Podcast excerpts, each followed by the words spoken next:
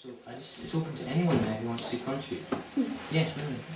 Well, I think that what started life exactly was a large, a large mass of many elements, just one big planet. And after a while, it just exploded into many other galaxies and planets, and they moved up. Um, and I think that the meaning of life was that big explosion. Vi befinner oss i et klasserom i en skole i Storbritannia hvor tolv elever sitter i en sirkel og har filosofisk samtale om meningen med livet. Well, I say the meaning of life is the seven days, Okay. the days that God created life. That is how I believe. People say God made that Big Bang, whatever you, whatever it was. Yeah. De to eh, elevene som har denne uenigheten om hvordan verden ble til, heter Seoras og Miranda og er mellom åtte og ni år. Og begge sto på sitt. Um, I disagree with Miranda because I believe that um, if if God created us beings and other beings in the universe, I believe that Martians seeded us. People from Mars seeded our seeded our fish, which turned into monkeys, which turned into us, and we grew our livestock from Scarborough to all the way here, the present day. Wow. Well, um, I- still disagree with Shores. I know he doesn't believe in God, but I still believe that strongly. I go to church, and this is how I found out all about this. And there's been Seb went one day, and we got colouring pictures about the the seven days. But, That's how um, I strongly believe. great, fantastic. Now, would you? Can I ask you a question, Matt? Go and spend your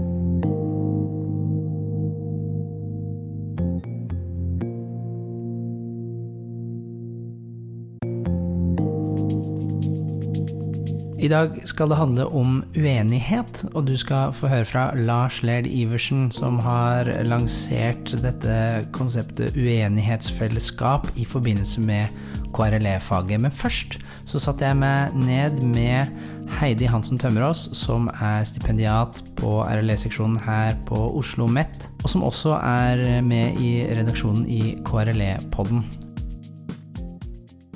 Du er så vidt i gang med å begynne å skrive en avhandling som skal handle om nettopp uenighet. Men hvordan kom du egentlig til at du skulle skrive om akkurat det temaet? Jeg har jo bakgrunnen bakgrunn fra filosofi. eh, Og innenfor deler av filosofien, eller egentlig all filosofi som omhandler kommunikasjon i det hele tatt, så er uenighet et veldig viktig begrep.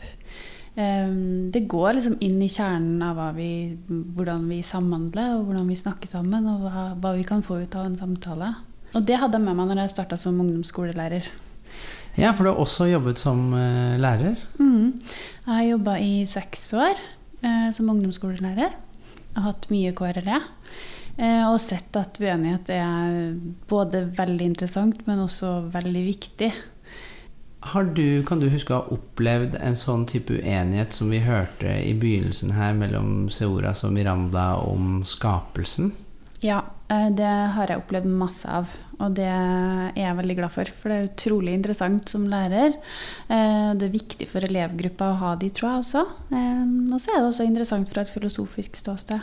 Jeg tenker sånn at alle har vi jo en idé om hva det vil si å være uenig, og alle opplever vi det. Men gitt at du også har bakgrunn fra filosofi, tenker jeg at kanskje uenighet ser litt annerledes ut når man ser på det sånn filosofisk. Ja, altså filosofer er jo veldig mye uenig. Det er jo det det går i.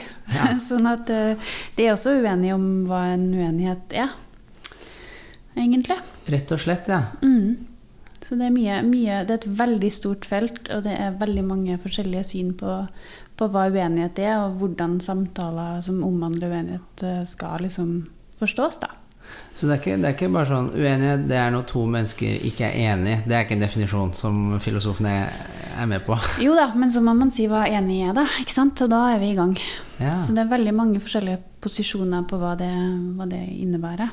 Filosofene de er uenige om hva uenighet er, men så skal jo du nå i gang med å skrive en doktorgrad da, om hvordan uenighet funker akkurat i KRLE-faget. Mm.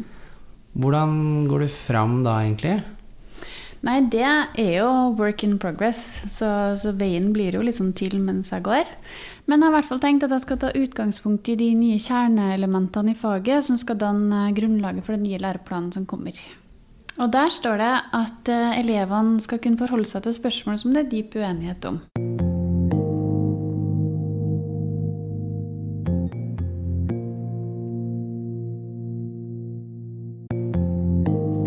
Det betyr i hvert fall også at de skal lære seg å snakke om temaer som, som de er uenige i. Sånn som Seora og Miranda gjorde Nettopp. i det klippet. Ja. Og de bruker jo da en filosofisk samtale, eh, hvor de har en fast struktur som de følger, eh, for å kunne snakke fint sammen da, om, om tema som de er ganske uenige i. Det kommer ganske tydelig fram i det klippet. Skal du ut i eh, klasserom som en del av dette prosjektet og skape uenighet? jeg, har ikke, jeg trenger ikke å skape uenighet, det er massevis av det ute i klasserommene allerede. Men jeg skal ut og observere og se uh, hvordan det her fungerer i klasserommene.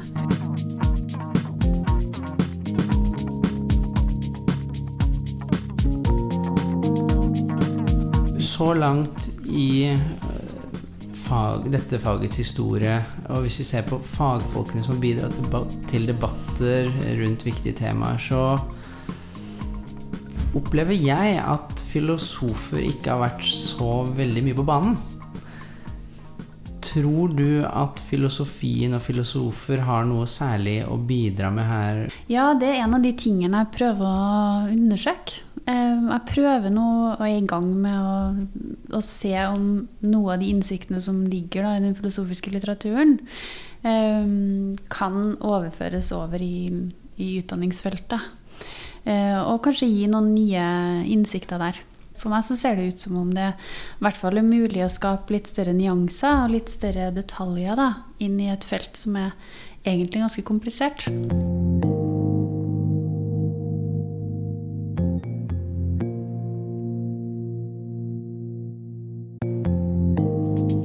Det, har du oppdaget at det er noen særlige utfordringer når det gjelder dette med å håndtere uenighet som er knytta til religion og religiøs overbevisning?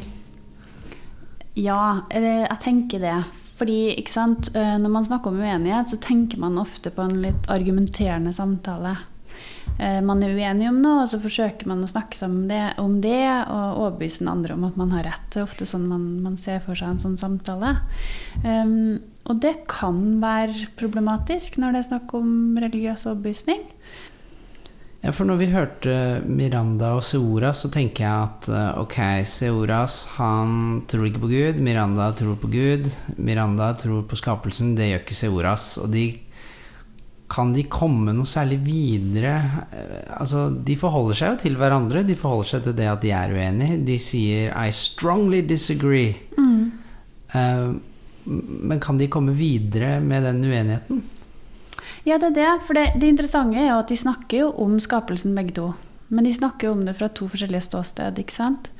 Um, så de er jo uenige om hva som skjedde med, med skapelsen, altså hvordan den uh, oppsto.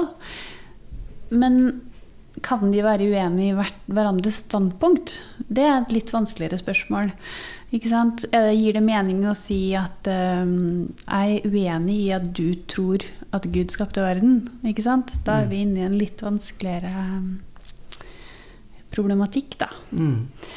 Ehm, og så har man i KRLE i tillegg til det også andre typer tema. Ikke sant? Vi har moral, og vi har faktaspørsmål, og alt det her er jo oppe til diskusjon. Um, sånn at det, det gjør bildet ganske komplisert, og ganske, ganske vanskelig å vite for læreren ofte hvordan man skal håndtere sånne typer samtaler. Mm. Og så tenker jeg at mange religiøse påstander griper jo inn i faktaspørsmål, og noen gang unnslipper det, så å si. Altså hvis man f.eks. spør hvem var Jesus fra Nasaret, så um, er det nok mange historikere og kanskje filologer og sånn som vil si ja, det er et empirisk spørsmål som vi kan si og vi kan synse med mer eller mindre sannsynlighet om. Men så er det jo også et annen type spørsmål, da, som at det er også et spørsmål om tro. Mm. Ja, så man kan kanskje lettere være uenig om Jesus har eh, levd eller ikke, som en sånn, et empirisk spørsmål. ikke sant? Eller det er i hvert fall en, en lettere ting å argumentere for eller mot. Da, for da kan du bruke bevis ikke sant? og vise til uh, historiske bevis, f.eks. Mens hvis jeg sier at uh, Jesus var Guds sønn mm. Det er ikke like empirisk. Nei. ikke sant? Og da er det jo det vanlige er jo at man da sier at uh, men det er et spørsmål om tro. ikke sant? Og da stopper diskusjonen litt der. Mm. Det er ofte sånn, sånn det blir da, Mm. i klasserommet, tror jeg. Mm. Um, og det er kanskje greit nok. Men spørsmålet er jo da om det egentlig er en, en uenighet, da, eller om det er snakk om to forskjellige um, verdener, på en måte. At man snakker forbi hverandre om to forskjellige ting.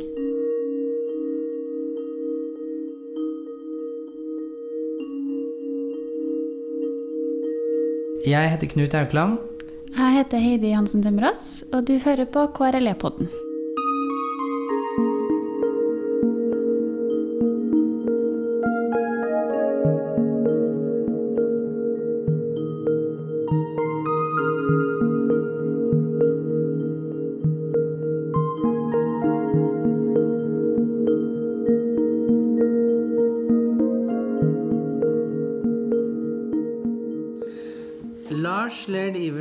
Velkommen til KRLE-podden. Jo, tusen takk. Du har gitt ut en bok i 2012 som het 'Learning to be Norwegian'. Ja. A case study of identity management in religious education in Norway. Som, hvis jeg har skjønt det riktig, var basert på en ph.d. som du skrev eh, i 2010 Ja, ja. på eller universitetet i Warwick. Hvor du da eh, hadde Robert Jackson som biveileder. Ja, eller som veileder. En av to likestilte veiledere. Ja.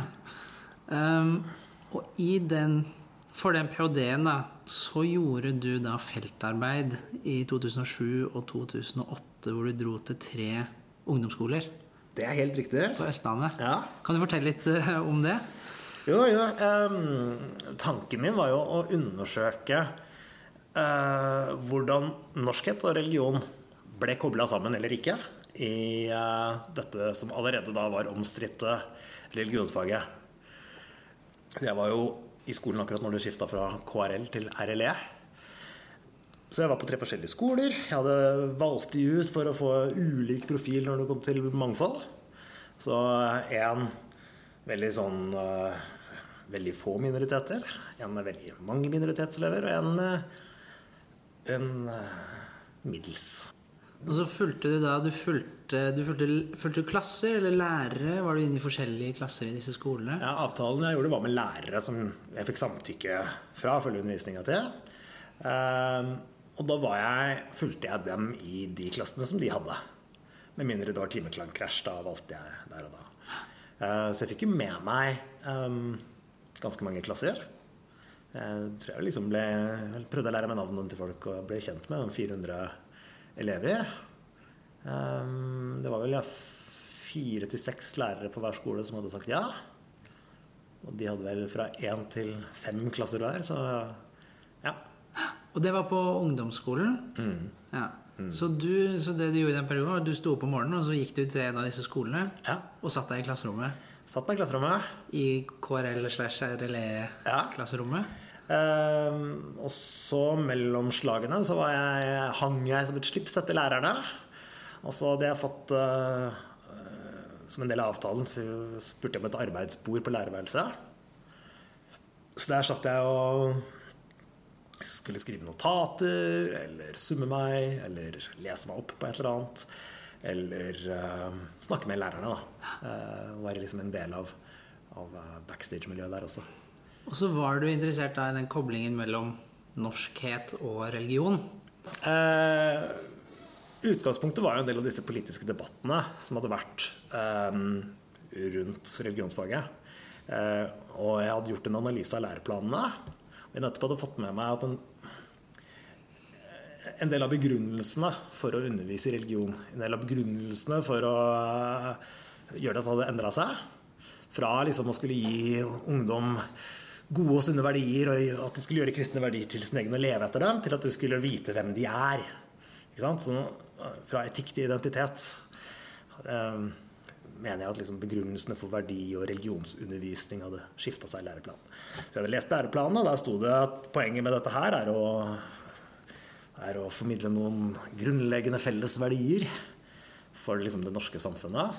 Dette var særlig putta inn i religionsfaget. Um, så det skulle jeg prøve å se, da, hvordan, hvordan dette foregikk.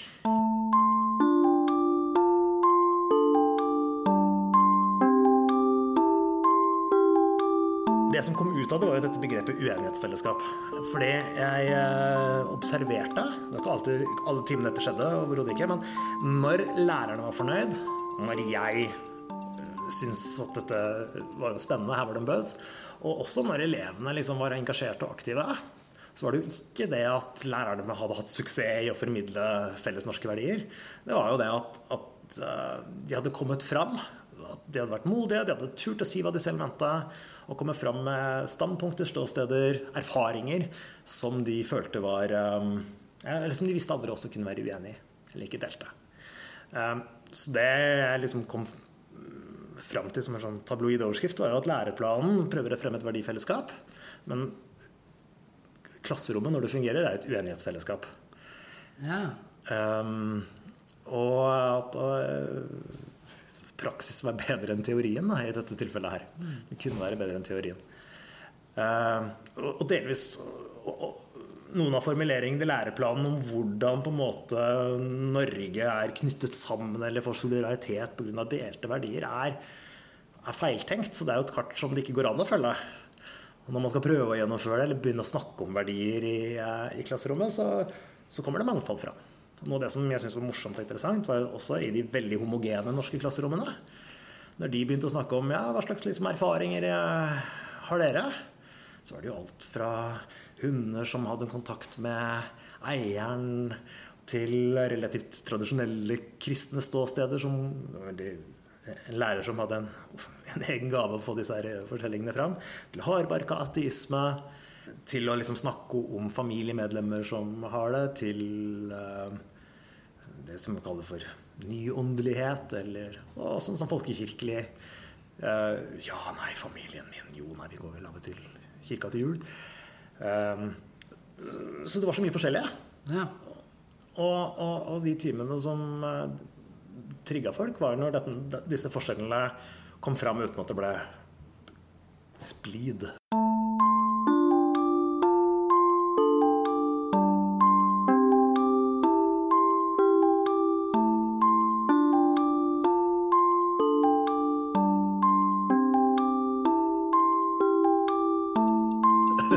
Så, okay, så den gode undervisningen når elevene var engasjerte, var når komme fram? Ikke når man på en måte prøvde å komme fram til felles verdier? Ja. Som faget egentlig var litt lagt opp til at man skulle? Ja, det er min analyse. ikke sant? At, at, at læreplanene sier at øh, hvis man har hatt suksess i dette her, så har elevene fått avdekt sånn grunnleggende verdier som har formet hvem de er og sånn. Det er faktisk språket enda tydeligere tilbake på 90-tallet. Men det var ikke helt det som, som skjedde. Det var ikke det som fungerte.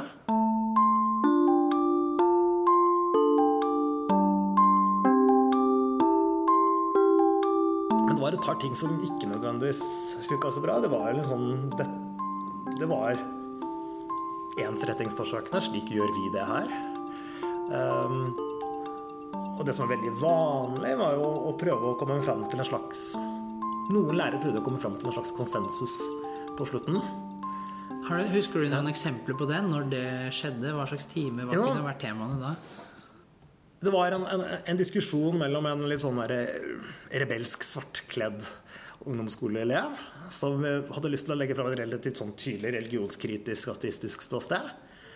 Eh, og en lærer som eh, i den timen her iallfall skulle prøve å formidle noe mer eh, sånn kristen kulturarv er viktig eh, ståsted.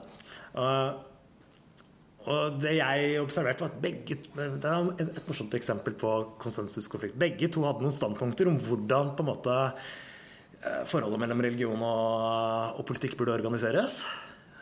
Og at den ene mente da at, at det burde være plass til en god del religion, særlig kristendommen, i, i norsk offentlighet, kanskje, i norsk liv, og at lovgivninga bør sørge for det.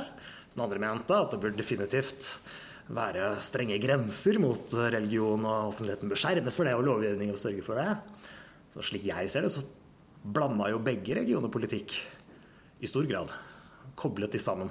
Mens det de blir enige om til slutt altså Ja, vi er uenige om dette, men vi kan i hvert fall være enige om at vi ikke skal blande religion og politikk. Og det syns jeg var et eksempel på at det er noen sånne slagord eller noen ord som alle nikker anerkjennende til, men som bryter litt sammen når du nøster litt i det. Fordi, sånn som jeg tolka det, jeg skriver litt om det, eh, var at begge hadde argumentert for å blande religion og politikk fra hver sin side. Um, men når de skulle på en måte søke konsensus til slutt, så fant de et, sånn der, et ikonisk slagord. Ja, så fikk stå der som en sånn um, Et håp om at vi fortsatt er venner, nesten. Mm. Så det var, og var det, var det noe du så blant flere av lærerne? At hvis det ble uenighet eller debatt eller diskusjon, så ville de forsøke å få en konsensus til sist, sånn at man kunne gå ut hvor alle egentlig var litt enige? Ja, eh, ikke alle. Så, så, I den grad jeg har eh, liksom skrevet ting retta mot lærerutdanninger, og, og, eh, så har jeg prøvd å liksom si dere trenger ikke gjøre det det å heller oppfordre til at denne debatten kan leve videre, at, at uh, vi har respekt for hverandre, vi møtes som venner og, og sånt, selv om vi, vi, fortsetter å være uenige, uh, det har sin egen verdi. Uh, det er bra for læring, det er bra for stolthet og utvikling av eget standpunkt og ståsted. Det er bra for å fortsette å måtte finne, skape, utvikle gode argumenter for det du står for. Um, så det tror jeg både har god demokratisk opplæringsverdi og utdanningsverdi og gjør timene mer spennende.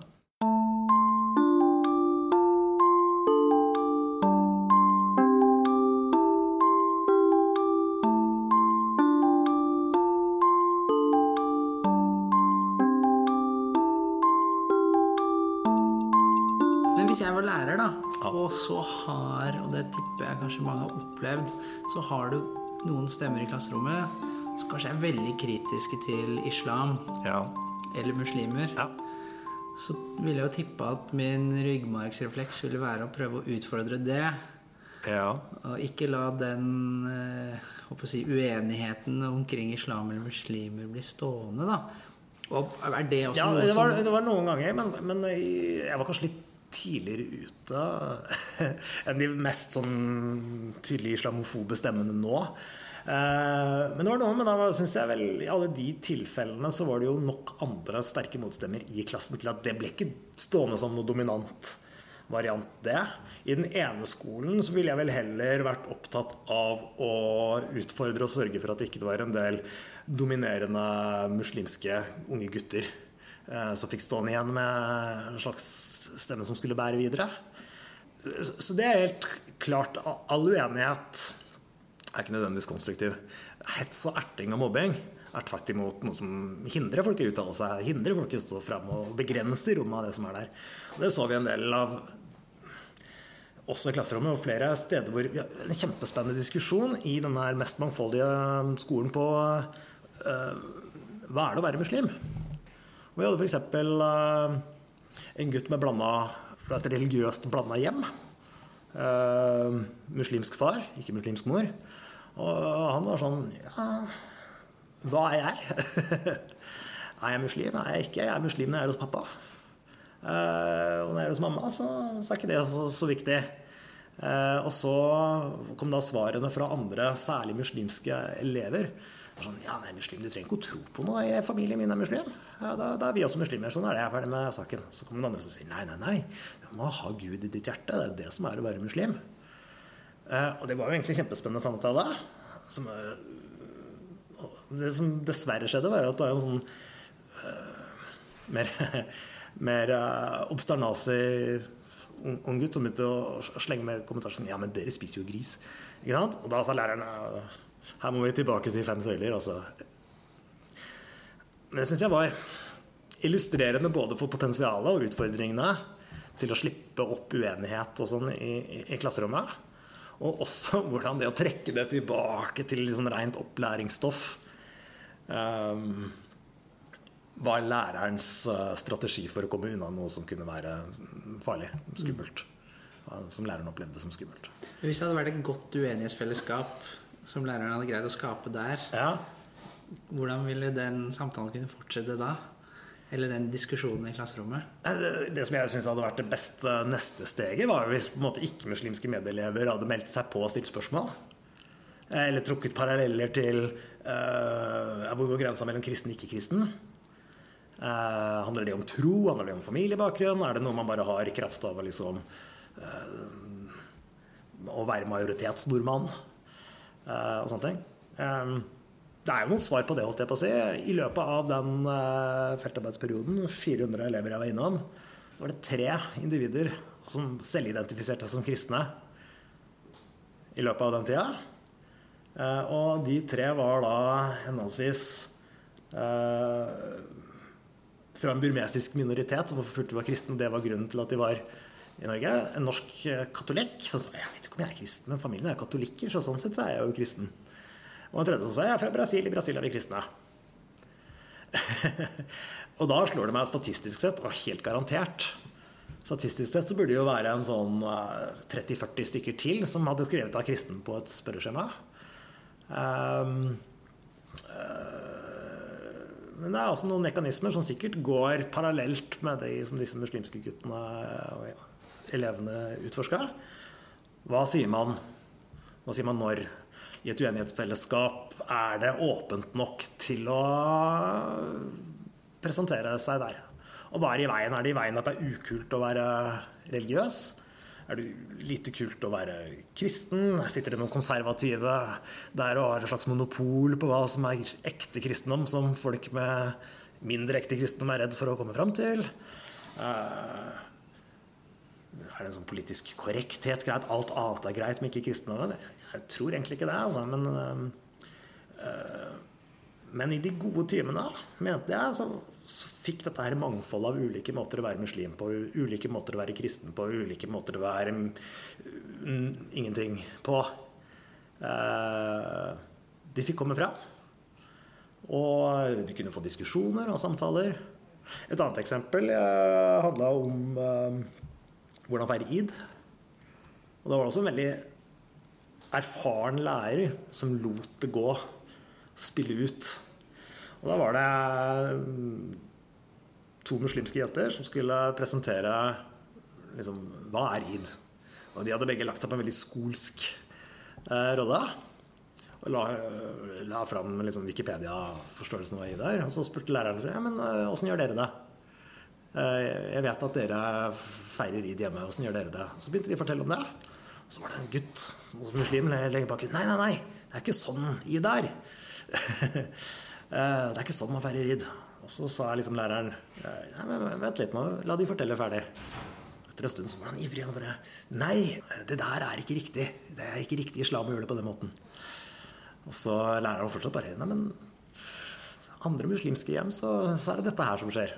Tredje gangen så var det fortsatt den hadde han skjønt greia. Og mange andre tror jeg lærte masse av dette. Det er ikke slik vi gjør det hos oss. Så det er mangfoldet innad? Da hadde mangfoldet innad i islam hadde kommet veldig tydelig fram på en veldig enkel måte med at læreren var trygg på å kunne si jeg, jeg vet at islam gjøres på mange forskjellige måter. Men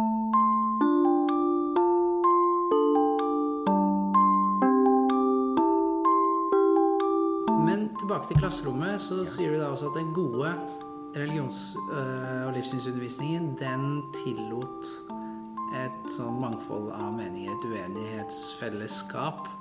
Kommer du på andre eksempler på når det fungerte og ikke fungerte i feltarbeidet, når du observerte?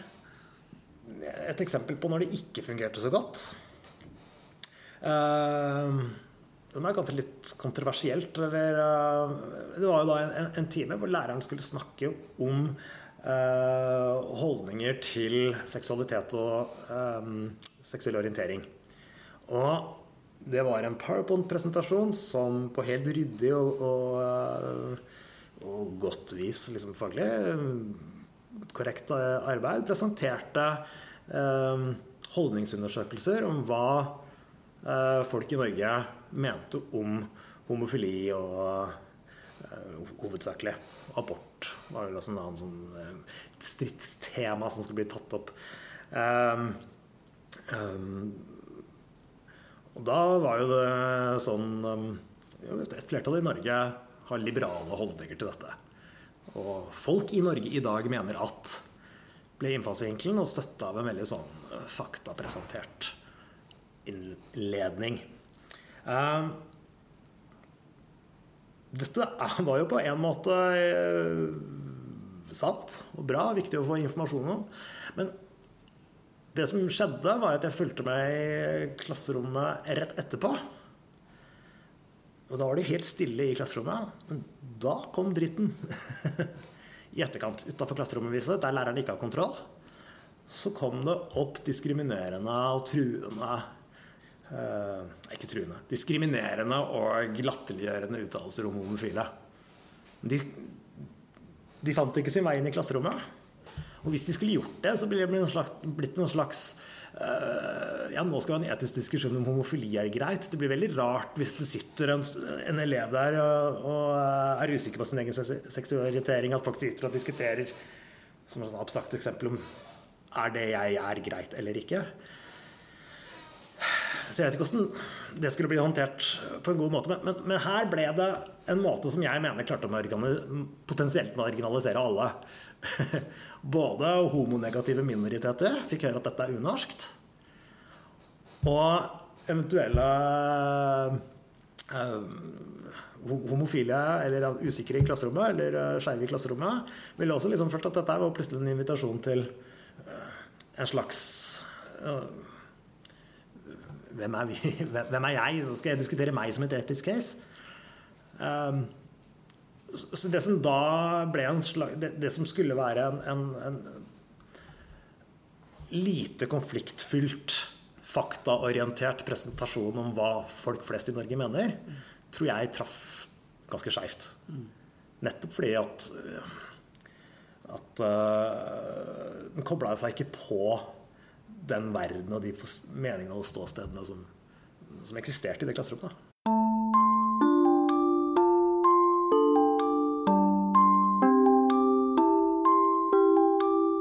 Men det må jo være veldig krevende. da Jeg tenker Hvis jeg hadde vært lærer, så hadde jo Men det, så ville jeg jo liksom ja. Og jeg ville jo kanskje frykta noen sånne kontroversielle meninger, da. Ja. Og, og på den ene siden, man bør åpne opp for et uenighetsfellesskap, men eh, ja, kunne disse holdningene fått kommet opp, og det ville fungert på en ok måte? Da måtte man kanskje hatt noen spilleregler. ja. Spilleregler i forkant, eh, og diskusjon om spilleregler, eh, det er det jo masse litteratur som sier fungerer bra, det tror jeg også på. Jeg sier at man liksom, Det er mulig det er et paradoks her, da, at for å få fram god uenighet, så må man være enige, så må man være enige om noe. Men å være enig om spilleregler er noe annet enn å liksom si at man skal være enig om grunnleggende, dyptliggende verdier. Eh, Så det, det syns jeg fungerer fint. Det andre som jeg tror ikke alltid, men av og til kan være en god innfallsport, er å finne måter å skille det å utforske en idé, en tanke, et ståsted, fra hva mener jeg egentlig. Ikke sant? Eh, Så man kan ta en del av uenigheten og se om man kan få det litt på armlengdes avstand. Debattere. De, de gamle retoriske kunstartene har jo masse teknikker da, for å dele ut standpunkt på forhånd. Eh, lære deg å argumentere for noe som du ikke egentlig står for. To diskusjonspartnere bytter standpunkt halvveis. Eh, alle disse tingene er jo effektive treninger i uenighetsfellesskap som ikke nødvendigvis drar fram de dypeste følelsene. Eh, jeg tenker det kan være nyttig. Det er også enda mer sånn mer sånn forumteater og den type pedagogikk. Det krever jo mye av eh, både lærere og elever å komme dit at det eh, fungerer. Men det kan være helt fantastisk mm.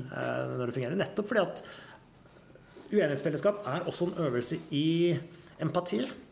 I hvert fall sånn kognitiv empati. da, Kunne sette seg inn i noen andre standpunkter. Eh, Begynne å komme seg inn i andres verdensbilder uten å dele det.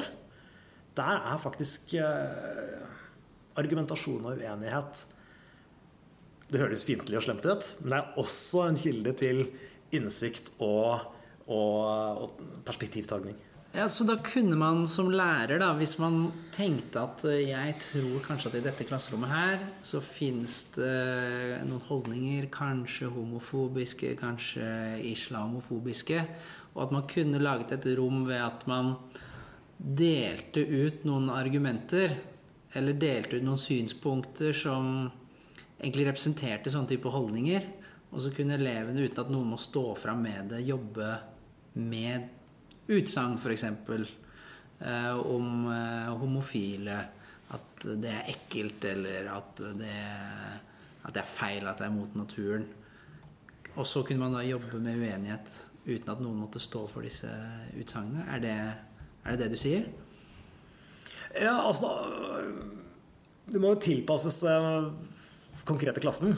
Jeg kan jo se for meg at eh, det vil fungere lettere i noen situasjoner og fungere vanskeligere i andre situasjoner. Jeg tenker at liksom, enkelt sett så er jo idealet om uenighetsfellesskap å trua fra to kanter. Det ene er at det ikke kommer fram noe uenighet i det hele tatt. At folk ikke egentlig har så mye å si om en sak, eller ikke er villige til å si noe særlig om en sak. Eller at at temperaturen er for lav. da. Den andre trusselen er at temperaturen blir for høy. At det blir uh, hets og, og, og, og så såre følelser at det, at, at det, liksom, det blokkerer seg. Eh, hvis man kan få til um, ja, nei, så, så, så det å på en måte gi en armlengdes avstand fra den personen gjelder, det, det kan være nyttig. Jeg tror vel det å legge inn uh, meninger i forkant Det kan være farlig hvis det er for sterke eksisterende følelser ute og går. Igjen så blir det sånn at da skal jeg finne gode argumenter for Det kan være krevende, men, eh, men i noen situasjoner, ja. Så vil jeg faktisk det opplegget som du skisserte der. Eh, Men, men, men kanskje mer for å skru opp temperaturen. Hvis det er et klasse hvor ingen har noen mening om dette her, så kan det være ja, ok, Men disse meningene fins der ute, da. Eh, hvordan ser de ut? Eh, hvorfor i alle dager ender folk her? Eh, det er interessant og lærerikt.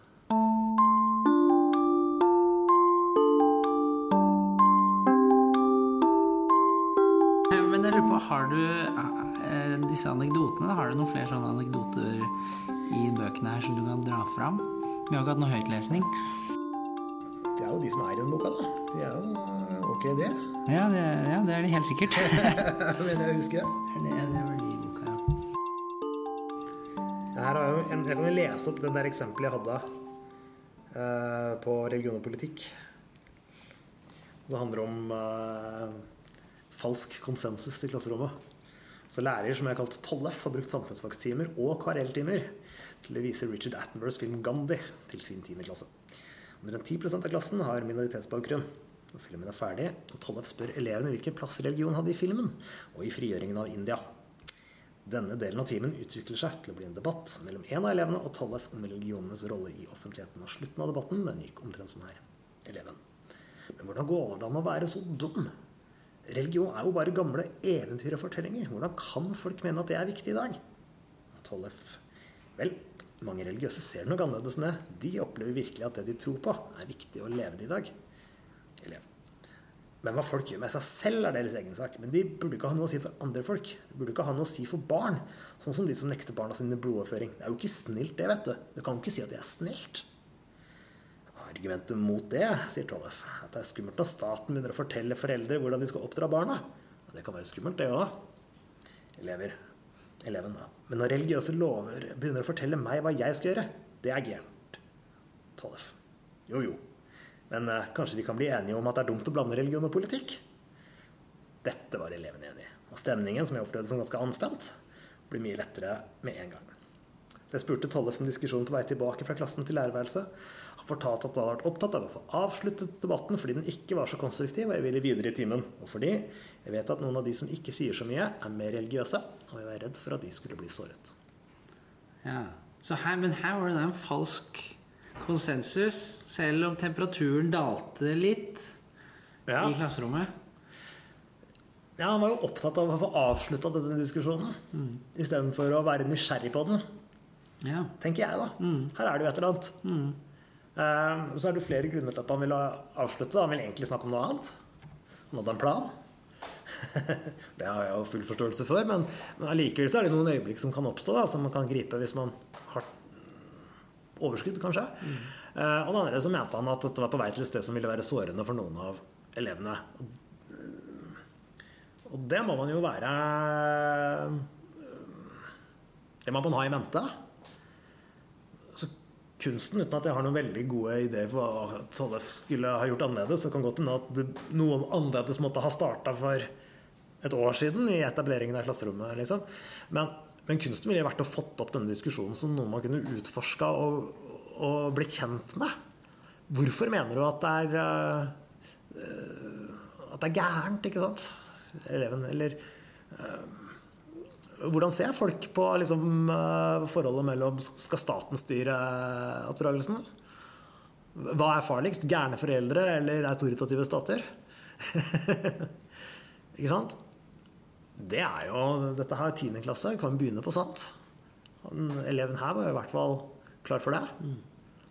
Um, Så kanskje kunne man, han kunne jo på en måte Man kunne jo som lærer beholde den diskusjonen selv om man kanskje har noe annet man skal gå gjennom, men man kan jo komme tilbake neste time kanskje og ha en pågående diskusjon utover i det kan være kjempebra hvis, hvis temperaturen er i ferd med å bli ubehagelig eh, Ikke bare ubehagelig, men liksom problematisk. Så si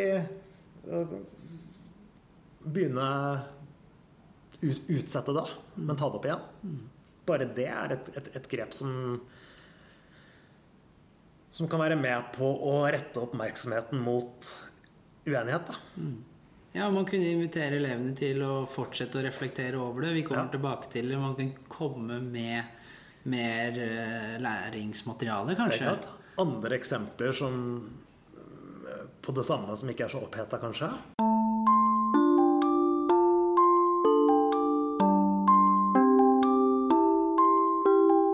Så det høres ut altså, Hvis man er lærer i KRLE, og man kommer over et tema hvor det blir uenighet i klasserommet, kanskje temperatur, så bør man ikke tenke 'Å, dette er skummelt, dette er farlig', men tenke 'Å, dette her er gull'.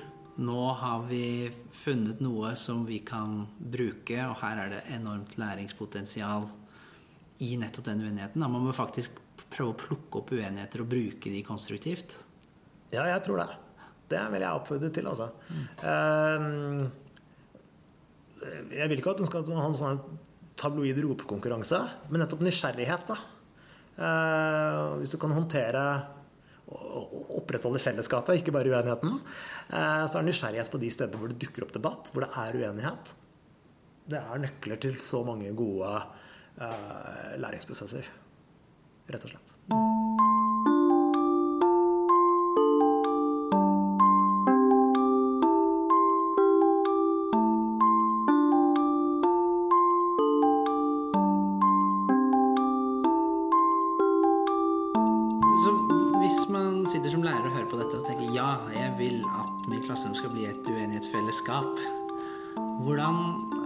Fins det holdt på å si, noen oppskrifter? Du snakket om at det er flere som har skrevet om dette. her. Hvordan går man fram for å lage disse spillereglene?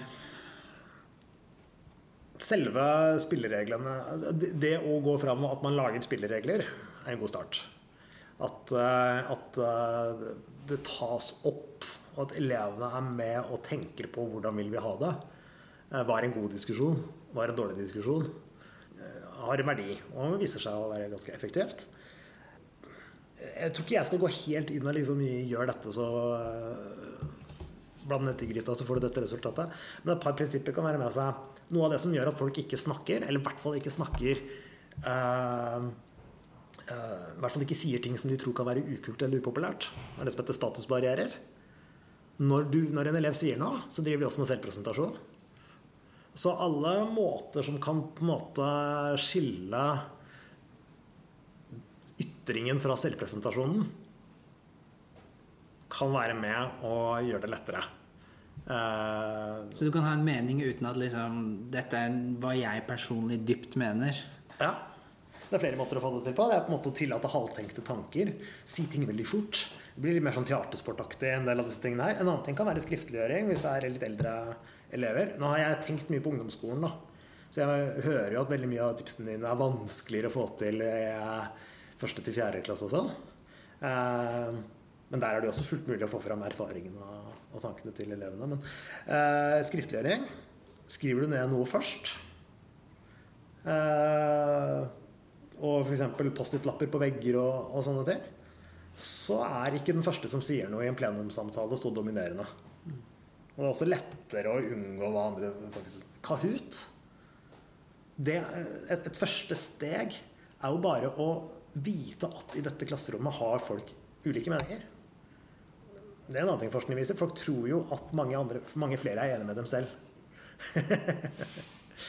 Eh, Eller at liksom eh, konsensus er mer kompakt enn den egentlig er, da. Eh, Så bare en sånn Kahoot, hva mener du om dette? Det kan være helt anonymisert. Så viser det seg at oi, her, er det flere meninger. Sånne ting som å ta, Det er første steg, det er å ta stilling og standpunkt til ting. Eh, Man kan jo være litt forsiktig med hvilke ting man skal ta stilling til, at det ikke er for personlig og, og sånne ting. Men uh, sånn stemme med beina-øvelser. Hvordan er det? Nei, alle elevene reiser seg opp, og de som eh, er enige med et utsagn, de går til den ene siden av klasserommet, og de som er uenige, går til den andre siden. Man må ta et standpunkt. Man må vise seg fram for de andre. At det eh, og, og det er starten på uenighetsfellesskapet. Det å, erkjenne det. da. og vise det fram. Her er vi uenige. Mm. Det, allerede det er overraskende for mange.